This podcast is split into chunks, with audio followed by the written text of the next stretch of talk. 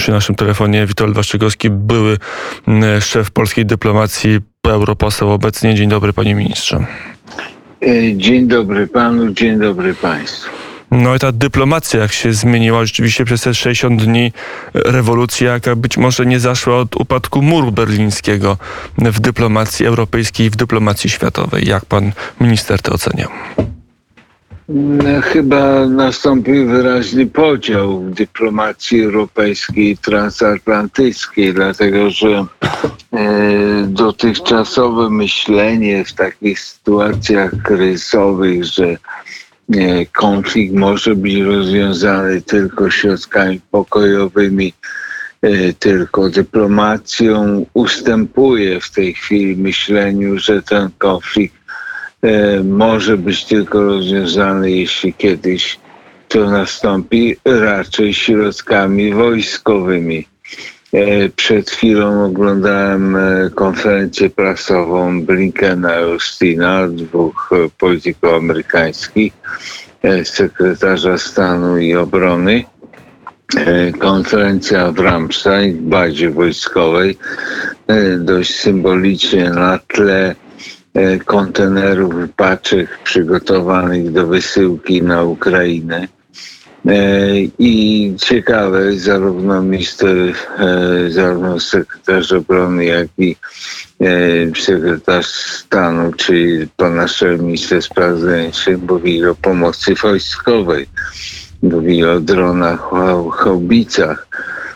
Nie było mowy o stworzeniu jakiegoś kolejnego formatu dyplomatycznego, który mógł doprowadzić do e, rozwiązania konfliktu. Mówili otwarcie o tym, że Ukraina musi wygrać tę wojnę. Ale to też jest no, zmiana. Wchodziliśmy w ten no konflikt z zapewnieniami Joe Bidena. Stany będą bronić każdego cala e, ziemi państw NATO, no a Ukraina jest poza NATO, więc sprawa jest e, inna. To brzmiało jak takie nawet zezwolenie na inwazję na początku, jakby na to, że nie będziemy reagować. Teraz Joe Biden i jego urzędnicy mówią, e, Rosja nie może na Ukrainie wygrać. To jest zupełnie inne podejście w przeciągu tych 60 tak, dni. Tak. Ale tu mamy dwie zmiany. Jak powiedziałem, jedna to jest odejście od myślenia tylko działaniem dyplomatycznymi na rzecz wojskowych, no i e, środków. I druga rzeczywiście, że mm, o, bezpieczeństwo NATO, to będzie się decydować właśnie na Ukrainie. To jest też odejście od Bidena, który mówi, że będzie długa wojna, wojna idei, wartości. No okazuje się, że owszem, e, tak, tak będzie, ale e, tej wojnie idei na, i wojnie na wartości trzeba pomóc e, haubicami, dronami i innym sprzętem. No, to, ale to nie jest powszechnie akceptowane w Europie, jak wiadomo. E, w, w, w Niemczech taka koncepcja jest nieakceptowana. Wiem to od e, kolegów niemieckich w Europarlamencie, gdzie tam w dalszym ciągu pokutuje myślenie, że trzeba rozmawiać z Rosją, trzeba się porozumieć z Rosją.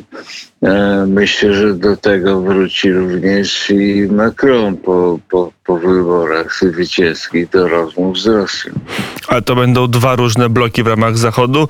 Nazwijmy jeden e, anglosaski w sojuszu z Europą Centralną, a drugi Europa Karolińska, Francja, Berlin, jeszcze z tą austro-węgierską wypustką na południe. E, tak, to się rysuje. Rzeczywiście będą dwa bloki takiej wzmocnionej współpracy w ramach NATO, czyli Polska, kraje tutaj bałtyckie, e, Rumunia, Turcja, wspomagane przez Wielką Brytanię, Stany Zjednoczone i Kanadę i dobrze, aby taką wzmocnioną współpracę w ramach NATO e, rozwijać. Dobrze by było dołączyć jeszcze Skandynawów, którzy zapowiadają, że e, przyłączą się do NATO. Myślę że Szwecji i Finlandii. No i niestety z, z tyłu E, bezpieczne państwa, w tym sensie, że oddalone od Rosji, odseparowane właśnie głębią strategiczną, jaką my im dostarczamy. Właśnie to, co pan nazwał Europa Karolińska, będzie w dalszym ciągu flirtowała z Rosją, liczyła na to, że ten konflikt zakończy się jak najszybciej na jakichkolwiek warunkach, nawet warunkach niekorzystnych dla Ukrainy, żeby jak najszybciej przystąpić do współpracy z Rosją. Ale z drugiej strony Olaf Scholz powiedział to samo po tym z, z ubiegłego tygodnia spotkaniu najważniejszych przywódców państw NATO.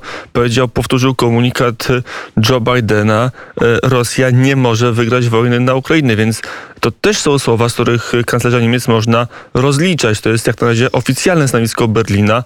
Będziemy wspierać Ukrainę aż do zwycięstwa i nie pozwolimy jako Niemcy, żeby Rosja na Ukrainie wygrała. No, cieszy retoryka, ale oprócz retoryki jeszcze bylibyśmy bardziej ucieszeni, gdyby e, za tym szły czyny. Za tym czyny nie idą, jednak e, mamy do czynienia z dużym rozbiciem również w samych e, Niemczech. No, tam się część zielonych domaga się bardziej aktywnej polityki. Natomiast e, SPD i, i, i znaczna część przemysłu e, niemieckiego e, popiera w dalszym ciągu porozumienie z Rosją. Mamy rozbicie Zachodu, mamy rozbicie również w niektórych krajach, jak w tym przypadku w Niemczech. Czekamy na to, jakie stanowisko zajmie Europa Zachodnia dla Polski. Mamy, e, mamy zapowiedź pogłębionej i nie tylko zapowiedź, mamy też fakt o pogłębionej współpracy militarnej polsko-amerykańskiej. Mamy słowa rzecznika Pentagonu, który mówi, że Stany chcą, aby polska armia stała się jedną z najsilniejszych na starym kontynencie. Co to może oznaczać i jak my możemy współpracować? Czy to będzie tylko współpraca, że my wydajemy pieniądze i kupujemy sprzęt w Stanach, czy możemy liczyć na inny, już nie tylko czysto merkantylny, ale także pogłębiony, sojuszniczy transfer ze Stanów sprzętu wojskowego do Polski? To się okaże oczywiście, ale mamy nadzieję, że to nie będą tylko czyste zakupy, ale to będzie współpraca właśnie przemysłowa. E, tak jak to miało miejsce w kilku innych krajach, na przykład w Turcji E, gdzie pewne elementy uzbrojenia są też produkowane w Turcji. Amerykańskiego uzbrojenia, mam na to nadzieję. E, ja chciałem zwrócić przy tej okazji na inną e, sprawę uwagę.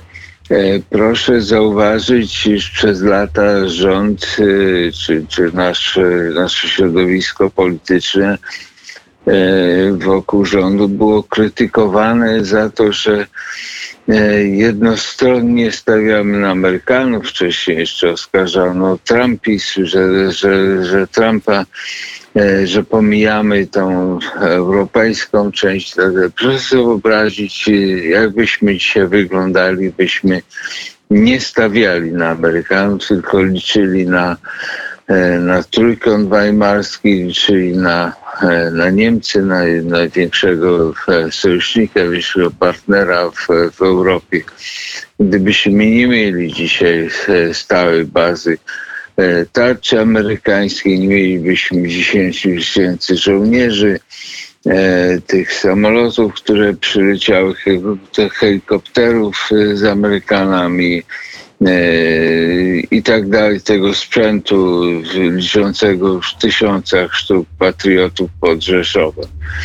E, no więc y, warto było znieść te obelgi e, przez całe lata oskarżanie o bycie agentem proamerykańskim, aby dzisiaj E, czuć się bezpiecznie, a nie żyć w takim strachu, co powie kanclerz Scholz, czy kolejna rozmowa Macrona z Putinem coś przyniesie, e, bo jak widać rezultaty e, tamtej opcji, tamtej alternatywy, byśmy na nią postawili, byłyby dzisiaj żałosne. Mm, powiedział Witold Waszczykowski, były wiceszef Biura Bezpieczeństwa Narodowego, były minister spraw zagranicznych, poseł do Europarlamentu Prawo i Sprawiedliwość Europejska Frakcja Konserwatystów i Reformatorów. Dziękuję bardzo za rozmowę i do usłyszenia. Dziękuję za zaproszenie.